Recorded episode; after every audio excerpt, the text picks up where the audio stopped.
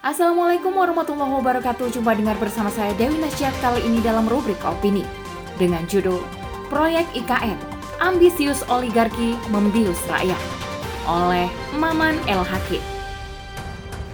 Jika pemerintah tetap memaksakan proyek ibu kota negara yang baru, sangat jelas bahwa hal itu hanyalah demi ambisi para oligarki. Mereka membius rakyat yang selama ini selalu menjadi korban pesta demokrasi yang digelar tiap lima tahunan. Padahal, semua itu hanya melahirkan para wakilnya yang tidak mampu menyerap aspirasi rakyat yang sesungguhnya, tetapi lebih mementingkan mereka yang menanam saham kekuasaan. Simak seutuhnya di podcast Narasi Pos Media.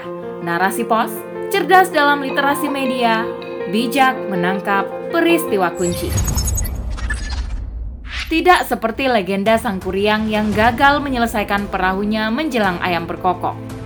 RUU IKN menjadi UU IKN berhasil disahkan sidang paripurna DPR Selasa dini hari 18 Januari 2022. Itu artinya perlahan tapi pasti pemerintah mendapat mandat untuk merealisasikannya. Sebuah keputusan yang tergesa-gesa dan dipaksakan hanya untuk memenuhi selera para pemilik modal. Meskipun pemerintah berasumsi tidak akan menguras anggaran negara, namun seperti infografis CNBC pada 22 Januari 2022, terungkap mayoritas dananya menggunakan APBN sebesar 53,5 persen. Sementara porsi swasta dan BUMN sebesar 46,5 persen. Meskipun sebelumnya situs resmi ikn.go.id menampilkan informasi terkait sumber pembiayaan, namun angkanya cenderung akan naik dari estimasi awal. Sekalipun skema pembiayaan diutamakan adanya peran yang cukup tinggi pada swasta melalui kerjasama pemerintah dan badan usaha atau KPBU sebesar 252,5 triliun rupiah atau 54,2 persen. Namanya juga kerjasama usaha. Pihak swasta tentu berharap meraih keuntungan sebesar-besarnya. Terlebih sistem kapitalisme ribawi tidak mau pemodal dirugikan sekalipun menyangkut proyek pelayanan terhadap rakyat. Pembangunan infrastruktur ibu kota negara yang baru disinyalir akan menambah beban rakyat karena beban utang luar negeri yang bertambah, terlebih jika gagal bayar. Resiko kedaulatan negeri ini tergadaikan pemerintah harusnya belajar dari banyaknya proyek besar infrastruktur selama ini, seperti Bandara Kertajati, proyek kereta api cepat, tol Cisumdawu, dan lainnya yang dinilai tidak produktif dan justru membuat kehidupan rakyat semakin terpuruk. Pajak terus naik, sementara penghasilan rakyat kian morat-marit karena lahan produksi yang telah diambil alih pihak swasta atau asing. Proyek pemindahan ibu kota negara diduga kuat karena desakan oligarki kekuasaan yang semata-mata motifnya meraup keuntungan dari lahan-lahan yang akan dijadikan ibu kota negara di Penajam, Pasir Utara, Kalimantan Timur. Daerah tersebut merupakan salah satu daerah kaya migas. Semisal proyek hulu migas di Kalimantan Timur yang digadang-gadang menjadi proyek andalan orang nomor satu di negeri ini, yaitu proyek gas laut dalam atau Indonesia Deep Water Development atau IDD yang kini masih di bawah pengelolaan Chevron Indonesia Company Ltd. Walaupun Chevron telah menyebut akan melepaskan kepemilikan saham di proyek ini. Aroma pemodal asing pun mudah tercium. Sebagaimana diberitakan Menteri Koordinator Bidang Kemaritiman dan Investasi Luhut Binsar Panjaitan, bahwa beliau telah memilih konsultan dari Cina dan Jepang untuk membantu pekerjaan desain awal. Luhut juga telah meminta raksasa investasi Jepang SoftBank Group berinvestasi 25 miliar dolar di ibu kota baru dari 100 miliar US dollar yang ditawarkan oleh lembaga investasi itu. Angka itu setara dengan 357,5 triliun rupiah atau 77 persen kebutuhan total anggaran pemindahan IKN. Sementara itu, Berdasarkan keterangan Kementerian PUPR, Cina telah mencari peluang untuk merancang landscape perkotaan dan pengelolaan air, sementara Amerika Serikat ingin membantu membangun infrastruktur seperti jalan dan jembatan. Menurut data yang dilansir CNBC, ibu kota negara Nusantara dengan konsep delapan rimba Nusa ini juga dikepung oleh harta karun, batu bara, dan potensi alam lainnya. Menurut data Badan Geologi tahun 2020, Kalimantan tercatat memiliki sumber kekayaan alam batu bara 5,86 miliar ton dan cadangan 386,63 juta ton.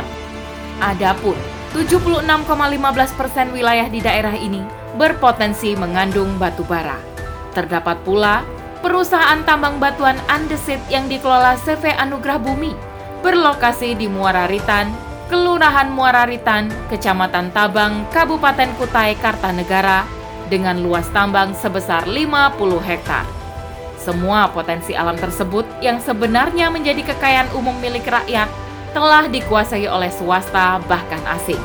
Kenyataan pahit ini bagaikan sembilu yang mengiris hati rakyat yang semakin pedih di tengah badai pandemi yang belum reda. Sungguh, jika pemindahan ibu kota negara ini tetap dilaksanakan, maka diduga akan berpotensi pada hilangnya kedaulatan negara yang semakin terjajah oleh kapitalisme global. Urgensitas pemindahan ibu kota juga tidak jelas. Terkesan, pemerintah lari dari kenyataan atas segala permasalahan Jakarta selama ini. Jika mencermati alasan pindah ibu kota untuk mengatasi banjir yang sering melanda Jakarta, justru di Kalimantan Timur pun sering banjir karena adanya penggundulan lahan untuk industri kepentingan kapitalisme. Belum lagi resiko bencana lainnya, karena faktanya daya dukung tanah di sana kurang cocok untuk dijadikan ibu kota negara. Banyak bidang tanah yang lemah dan berisiko bagi konstruksi dan jaringan jalan.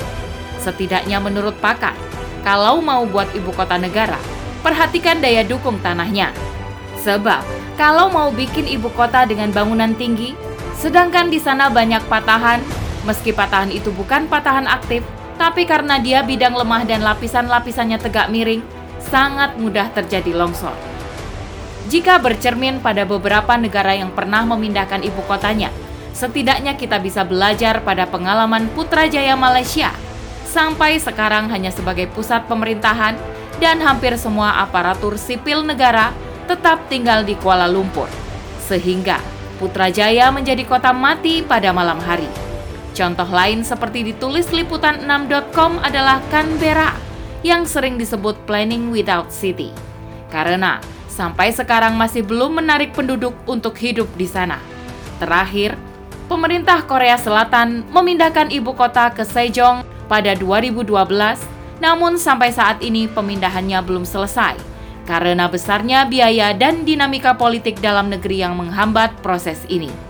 Mungkin yang cukup berhasil adalah pemindahan ibu kota negara dalam sejarah peradaban Islam.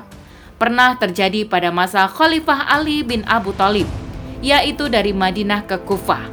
Khalifah Ali memutuskan pergi ke Kufah sekaligus memindahkan ibu kota negara dari Madinah karena alasan keamanan agar Madinah terjaga kesuciannya akibat adanya perseteruan sepeninggalnya Khalifah Utsman bin Affan. Dari Kufah, Khalifah Ali bisa memantau dinamika politik yang terjadi di dua kota suci, yaitu Mekah dan Madinah jika pemerintah tetap memaksakan proyek ibu kota negara yang baru. Sangat jelas bahwa hal itu hanyalah demi ambisi para oligarki. Mereka membius rakyat yang selama ini selalu menjadi korban pesta demokrasi yang digelar tiap lima tahunan. Padahal, semua itu hanya melahirkan para wakilnya yang tidak mampu menyerap aspirasi rakyat yang sesungguhnya. Tetapi, lebih mementingkan mereka yang menanam saham kekuasaan. Wallahu bisawab. Demikian rubrik opini kali ini sampai bertemu di rubrik opini selanjutnya. Saya Dewi Najak undur diri. Afu minkum wassalamualaikum warahmatullahi wabarakatuh.